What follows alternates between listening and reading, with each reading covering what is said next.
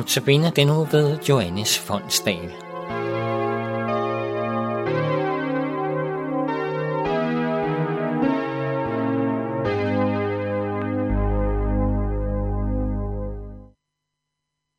Hvem er din hyrde? Hvem er det, der bestemmer retningen på dit liv? Hvem er det, du følger? Hvem er det, du stoler på? Hvem er det, du lytter til? Det er egentlig det spørgsmål, der er så fundamentalt, at vi alle måske burde bruge et øjeblik stillhed til at tænke over, hvem er min hyrde?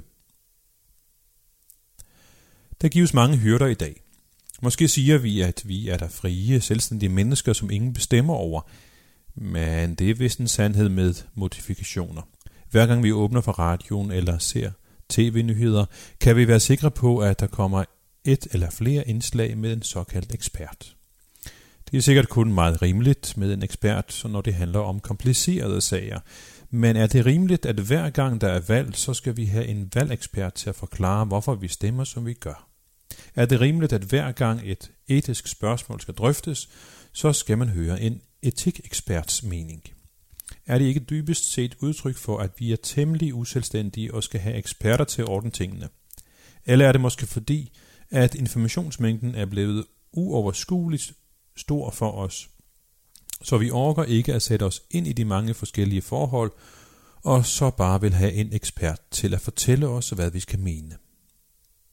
Og har lægerne og sundhedseksperterne ikke en ret stor magt over os? Man kan i hvert fald sige, at næsten alt tale om synd imod Gud er forsvundet ud af vores folk. Men til gengæld er synd i dag at leve usundt, eller at være et miljøsvin.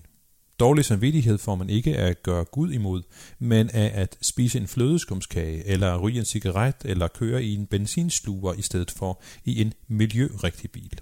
Eller når medierne pisker en stemning op, så vi lader os rive med, har de så ikke magt over os? Styrer de os ikke? Mange sager bliver pisket op, fordi det giver læsere, lyttere og seere til pressen. Hvor tit er det ikke den eller de uskyldige, som misbruges? Hvor tit bliver de vi ikke styret og manipuleret? Eller når vi ser film, må så ikke det påvirker os? Vi ser film med helte, der skyder modstandere. Vi ser film med helte, der horer rundt med tilfældige partnere. Vi ser film med helte, der snyder og bedrager. Gør de ikke også noget ved os og vores holdning og praksis?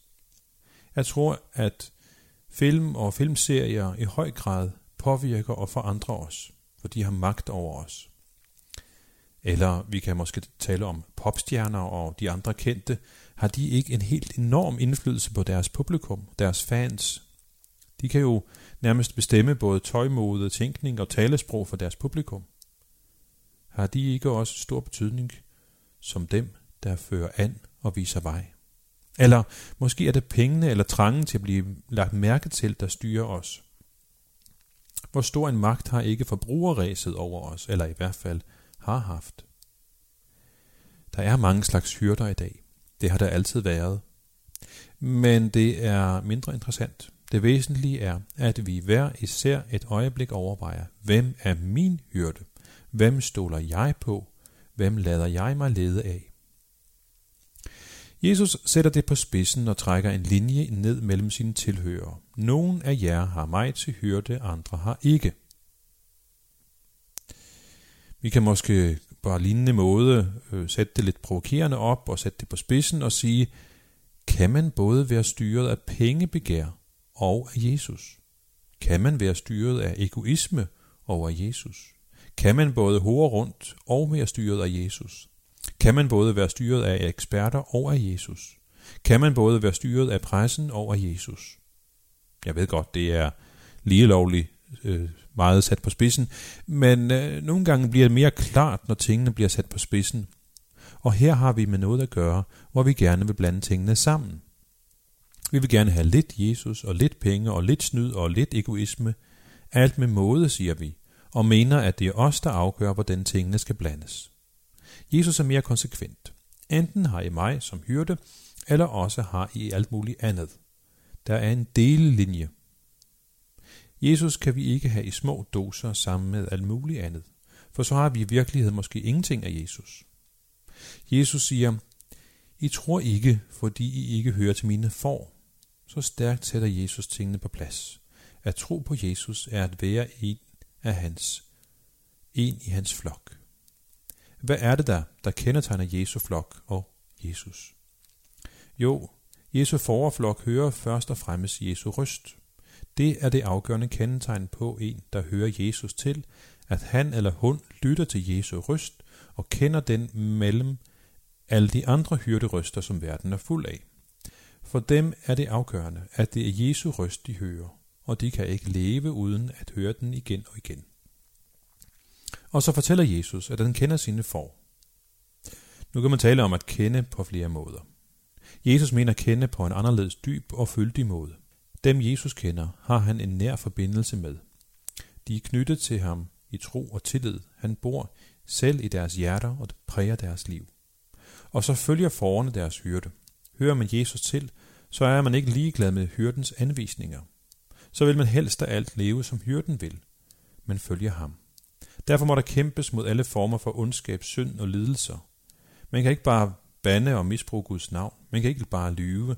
Man kan ikke bare bryde ægteskaber. Man kan ikke bare stjæle. Man kan ikke bare leve i begær og egoisme.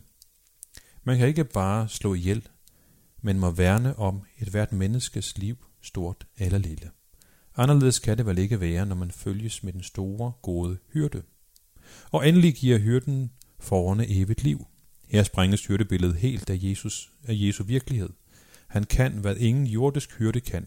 Han kan give evigt liv. Og han kan bevare et menneske til evigt liv midt gennem trængsler og farer.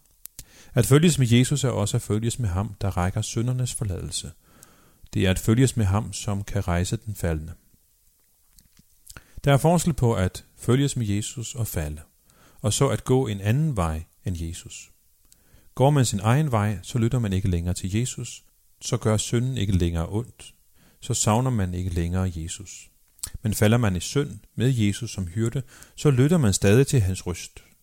Man kan ikke undvære ham, man ønsker stadig at følge ham. Tænk, at netop han valgte at blive hyrde for syndere. Den evige bøjede sig til jorden, og han blev hyrden, som gav sit liv for, at vi skulle renses for al synd og frelses for evigt. Den hyrde kommer også i dag til os, for at være vores hyrde og få os med blandt sine får. Og vi har brug for ham. Vi har brug for ham, også selvom vi ikke forstår ham. Vi har brug for ham, selvom vi kunne have lyst til at gå egne veje. Han ønsker, at du skal slippe alt det, der er dit og dit eget, og holde fast i ham, der alene kan holde dig oppe i livet og døden. Han ønsker, at du netop skal være hans barn, og at du skal leve dit liv i tro på, på ham, i tillid til, er han som din hyrde ved bedre end dig. Han er eksperternes ekspert. Uanset hvad der er sket os, eller hvad der kommer til at ske os, så skal vi ikke lade det være en snublesten, der sender os i en stor bue uden om hyrden, og i sidste ende så langt væk fra hyrden, at det hedder fortabelse. Lad snublestenen på en, en eller anden måde, eller på et eller andet tidspunkt blive en tredje sten, som får os nærmere hyrden, som får os ind i et dybere fællesskab med ham, vores kærlige hyrde, som får, der er helt afhængige af ham, og ham som vores hyrde, der har det fulde ansvar, og som ved bedre end os. Amen.